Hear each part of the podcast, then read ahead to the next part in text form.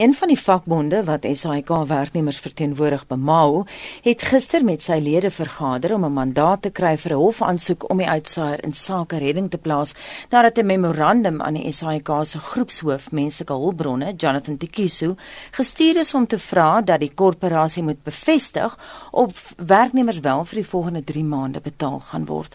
Dit volg nadat die voorsitter van die raad, Bongomusa Mkatini, glo aan 'n SAIK joernalis gesê het dat hy nie werkers se salarisse vir die volgende 3 maande kan waarborg nie. Bemau wou in die memorandum bevestiging van die SAIK dat sy lede wel betaal gaan word vir solank hulle in diens is. Indien dit nie sou gebeur nie, het Bemau onderneem om 'n mandaat van sy lede te kry om aansoek te doen om die SAIK in sake redding te plaas. Bemau se woordvoerder, Hannes de Bouisson, sê hulle tot nou toe geen reaksie van Tikiso gekry nie. Nou by my in die ateljee vanoggend is die SAIK se finansiële bestuurshoof Jolande van Bouillon met wie ek al telefonies gepraat het. Goeiemôre en welkom Jolande. Goeiemôre Anita en goeiemôre aan al die luisteraars. En dan praat ons telefonies met Hannes de Bousson van Bemau. Goeiemôre Hannes. Goeiemôre. Ek wil begin by jou Jolande. Hoe het julle besluit dat 'n uh, eh, baie spesifieke getal 981 permanente werknemers afgedank moet word? Moet so besluit nie vooraf gegaan word deur 'n herstruktureringsplan nie.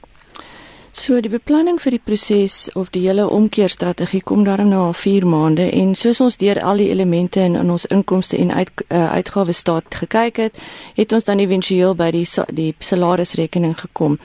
En ek dink ons ons probeer op hierdie stadium inpas as ek dit so kan stel in die beskikbare fondse wat ons wel het. So as jy kyk na 'n 7 miljard rand plus minus onderneming, ons het uh, het jy 'n sekere tipe uh, salarisrekening wat hom ondersteun.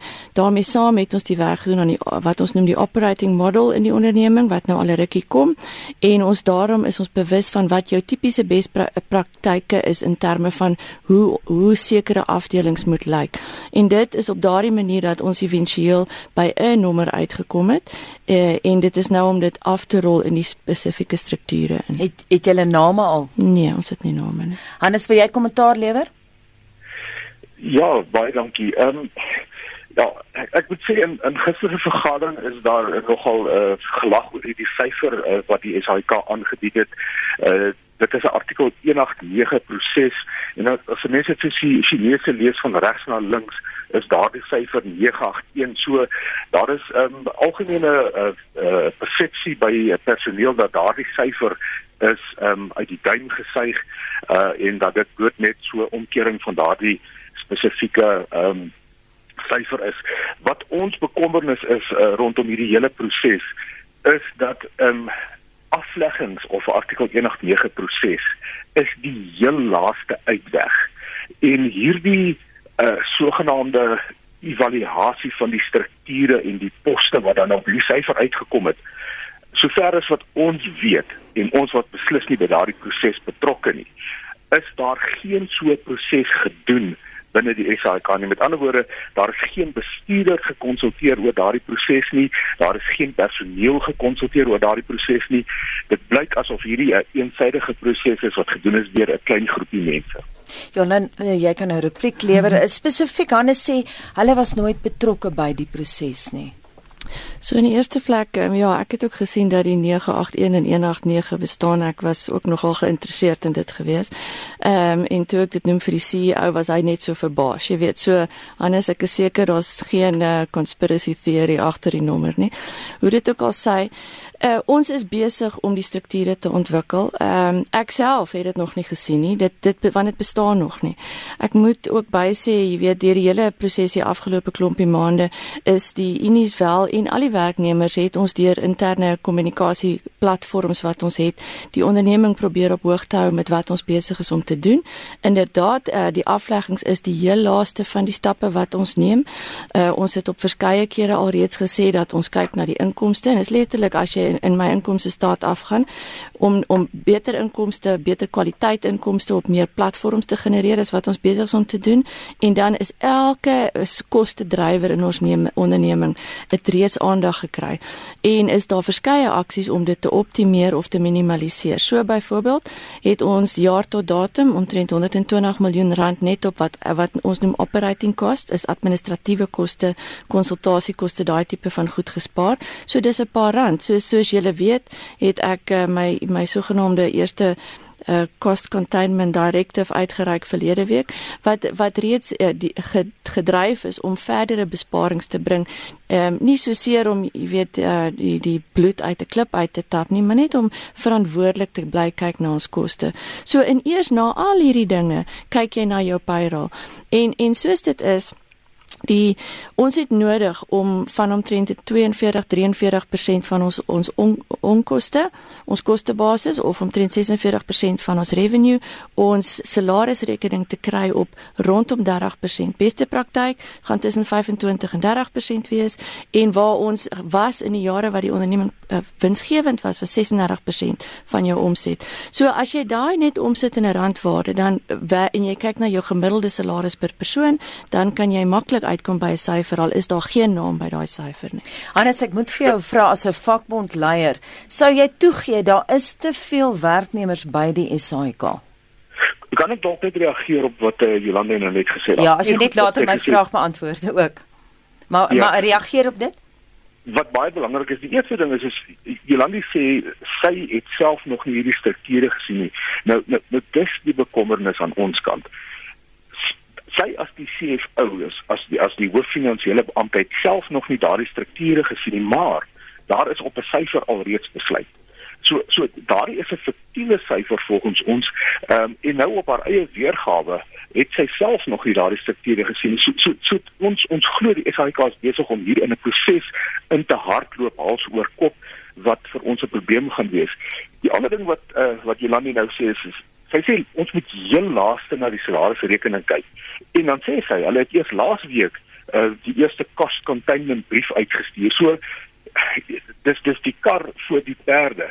Um, ja, om jou vraag te antwoord rondom of ons ehm um, glo daar is te veel mense ons glo nie daar's te veel mense by die SAIK uh spesifiek nie. Daar word groot gewag gemaak in die media deur die SAIK jy het gesê dat daar is 'n sogenaamde bloute uh middelbestuur vlak daar is histories uh, uh redes vir daardie uh, mense wat daar sit. En as 'n mens nou um, kyk na daardie spesifieke uh band van werknemers kyk dan dan lyk dit asof daar mense sit op middelbestuursvlak wat geen mense het wat hulle rapporteer nie en dit laat natuurlik alle alarmklokke lui. Maar dit is as gevolg van 'n uh, 'n uh, uh, human resources stelsel by die SAIK wat glad nie bestaan nie.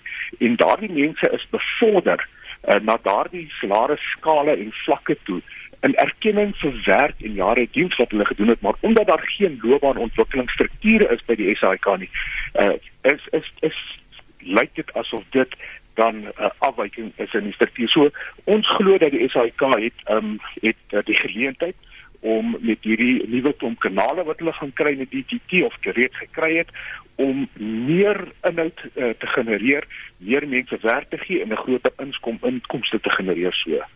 Jolande Dankie Anita.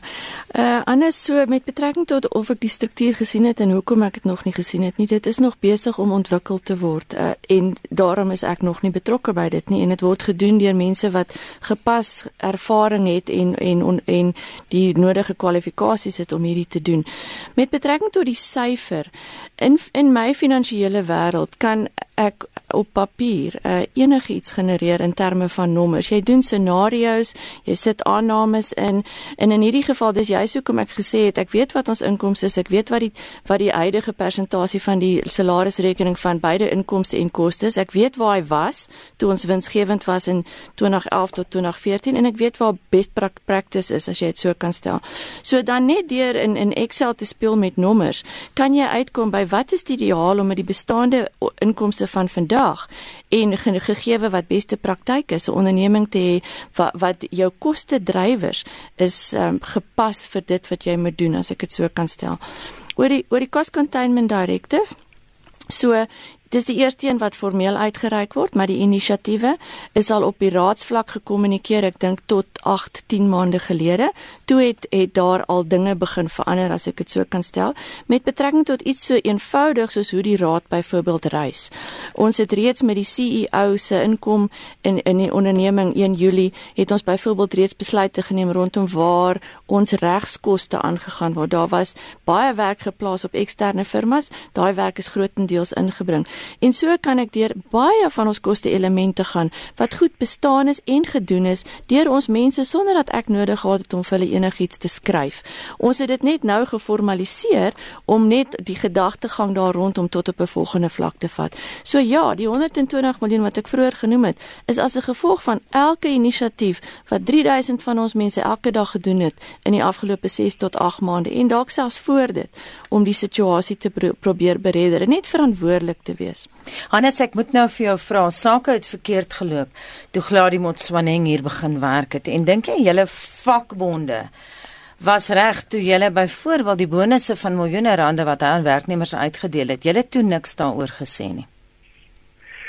Wel, daardie was ehm, 'n um, produk gewees van uh, onderhandelinge uh, daardie tyd. Ons het uh, salaris uh, onderhandelinge met die SAIK gehad. Daar is ehm um, ooreengekom om 'n laer persentasie uh verhoging te aanvaar in ruil vir 'n uh, uh ons noem 'n once off uh, uh bonus of 'n betaling dan ehm um, wat natuurlik dan uh nie uh, akkumuleer met die met die jare nie. Met ander woorde dit sit nie as 'n verhoogde persentasie op uh, die salarisse nie. So ehm um, ons uh, alhoewel uh, SAIK personeellede daardeur benadeel was het ons geglo dat dit die regte ding is om te doen in plaas van om 'n hoë salarisverhoging persentasie te aanvaar.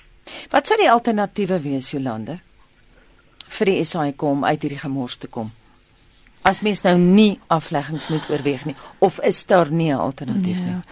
Ja, ek um, ek as jy my so vra waar lê ek wakker en is dit nou juist daai vraag, jy weet, want ek okay, ek is miskien nog net 4 of 5 maande, ek dink is my amper my 5de maand in die werk, maar ek kan regtig nie sien hoe sonder en, en weer eens die afleggings is deel van verskeie goed wat ons doen. En die probleem Anita, ons het nie tyd nie. Dis die probleem. Ehm um, ons ek meen elkeen van ons weet dat ons kontant situasie is benard om die minste daarvan te sê. So as mense 'n jaar of 2 jaar gehad het om om te begin dat jou jou inisiatiewe op 'n inkomste vlak begin rendement lewer, sou ons 'n ander gesprek kon hê, maar ons het net nie daai tyd nie.